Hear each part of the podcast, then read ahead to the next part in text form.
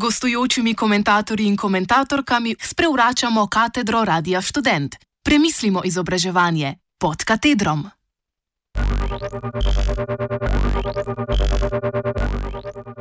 Spolno nadlegovanje v akademskem prostoru.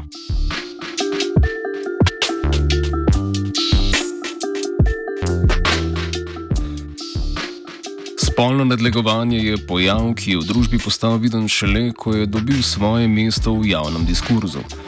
Istočnico za današnji komentar smo si sposodili od zaslužne profesorice dr. Mace Jogan, ki je v našem prostoru ena izmed vodilnih raziskovalk na področju sociologije spola.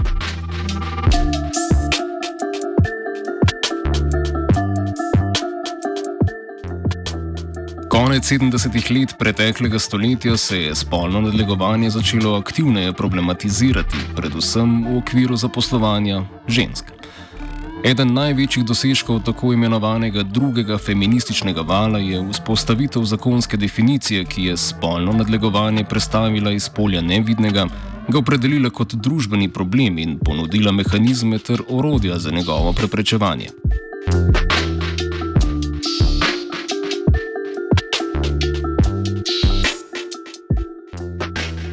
V slovenskem prostoru se je področje spolnega nadlegovanja začelo naslavljati šele v 90-ih letih 20. stoletja. Zakonsko podlago pa smo dobili kasneje, šele leta 2003 v okviru zakona o delovnih razmerjih. Spolno nadlegovanje je torej v okviru slovenske ter tudi evropske zakonodaje še vedno v večji meri vezano na sfero dela, opredeljeno v okviru delno-pravne zakonodaje kot kršitev človekovega dostojanstva in tako zajema ravnanja, ki škodujejo posameznici oziroma posamezniku. Only you had a motive.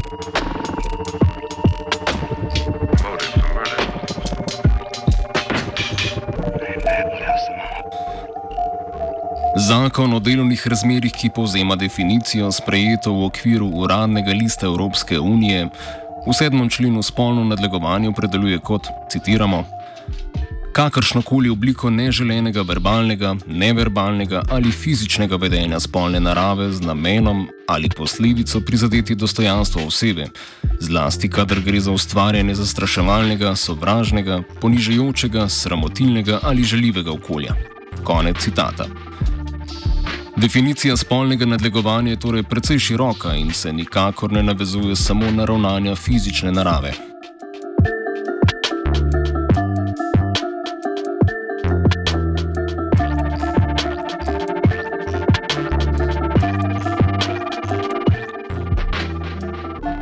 Da je spolno nadlegovanje splošno razširjen in pogost pojav, kateremu so v večji meri izpostavljene ženske, so pokazali rezultati raziskave o nasilju nad ženskami, ki jo je leta 2014 upravila Agencija Evropske unije za temeljne pravice. Ugotovili so, da se je s spolnim nadlegovanjem srečala vsaka peta ženska do 15. leta starosti.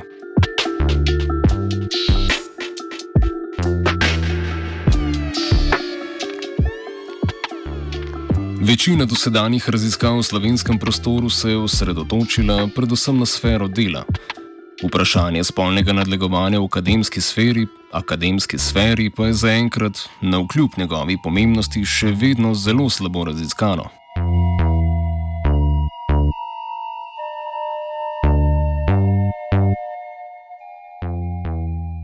V akademskem prostoru se oblikujejo in reproducirajo norme, ki odražajo organizacijo spolnega reda, strukture razporejanja družbene moči in načina socializacije spolov. V tem oziru je akademski prostor pomemben tudi z vidika oblikovanja odnosa širše družbe do spolnega nadlegovanja. Razumevanje, prepoznavanje in preprečevanje le tega je namreč pogojeno z uvedenimi praksami in politiko, ki posamezna dejanja označujejo za družbeno nedopustna in nezaželena. Percepcija institucionalne pomoči pa je odvisna tudi od tega, na kakšen način je povzročiteljica oziroma povzročitelj discipliniran.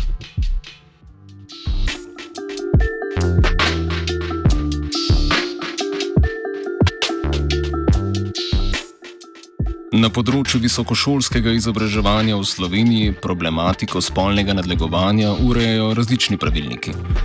Vsaka od treh javnih univerz, to so Ljubljanska, Mariborska in Primorska, ima za to področje sprejet svoj pravilnik.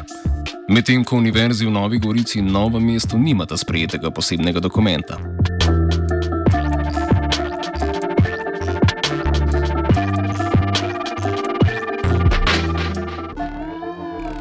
Pravilnik Ljubljanske univerze načine odpravljanja posledic spolnega nadlegovanja v akademskem prostoru določa le za zaposlene, čeprav je že iz imena dokumenta pravilnik o ukrepih za varovanje dostojanstva zaposlenih na Univerzi v Ljubljani in študentov Univerze v Ljubljani iz leta 2012.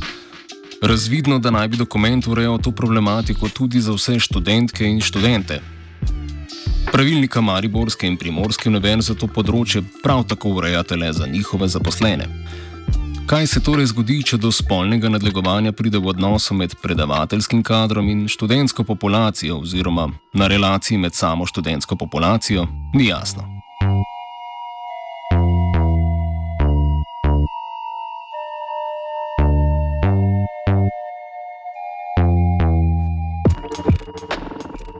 Na vseh treh javnih univerzah se od žrtve spolnega nadlegovanja pričakuje, da pred formalno in uradno prijavo poskuša sama najprej neformalno rešiti situacijo. Univerza na primorskem celo določa, da je to žrtvina dožnost. Sociologinja in poznavalka tega področja Jasna Podreka pa nas opozarja, da se osebe, ki imajo izkušnjo spolnega nasilja, torej znotraj tega tudi spolnega nadlegovanja, praviloma soočajo z občutki sramu pred odzivom okolice in bližnjih, ki jih lahko pogojuje tudi strah, da jim nihče ne bo verjel. Pogosto se pojavijo tudi občutki krivde, da so same izvale neko nasilno vedenje. Zato se veliko krat zgodi, da potrebujejo osebe z izkušnjo spolnega nadlegovanja veliko časa, da o izkušnji spregovorijo in še več, da povzročiteljica oziroma povzročitelja prijavijo, nekatere pa molčijo vse življenje.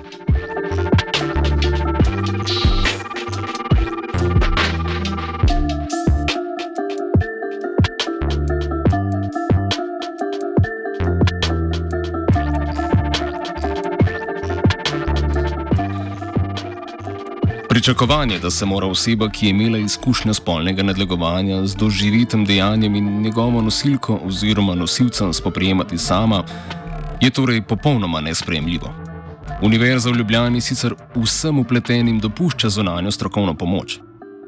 Vendar menimo, da ni dovolj, da vodstvo to zgolj dopušča.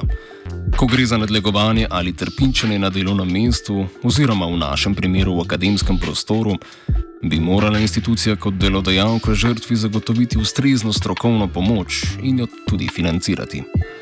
Poleg tega je pomembno povdariti, da omenjeni univerzitetni pravilniki ne vzpostavljajo protokola reševanja primerov spolnega nadlegovanja.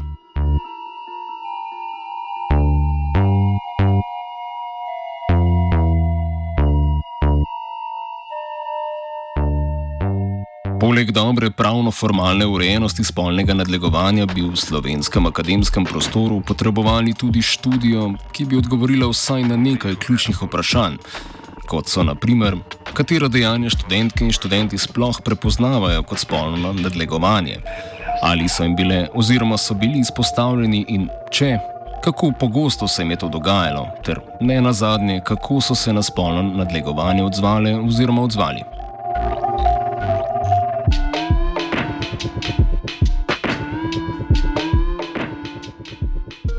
Ta in nekatera druga vprašanja so bila vodilo pilotne raziskave, ki jo je na Filozofski fakulteti Univerze v Ljubljani v okviru predmeta Spol in telo opravila skupina študentk. To so bile Tina Bizjak, Neža Jagodic, Mojca Suhovršnik, Urška Turk in Sara Ugrin pod vodstvom profesorice Milice Antič Gaber. Rezultati raziskave bodo jeseni predstavljeni zainteresirani javnosti.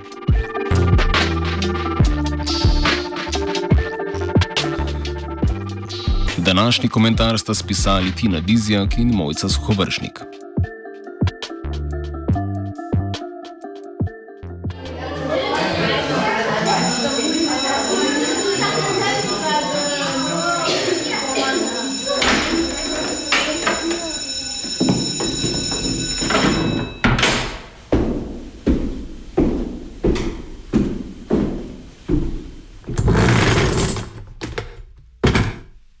Gostujočimi komentatorji in komentatorkami sprevračamo katedro Radia Student. Premislimo izobraževanje pod katedrom.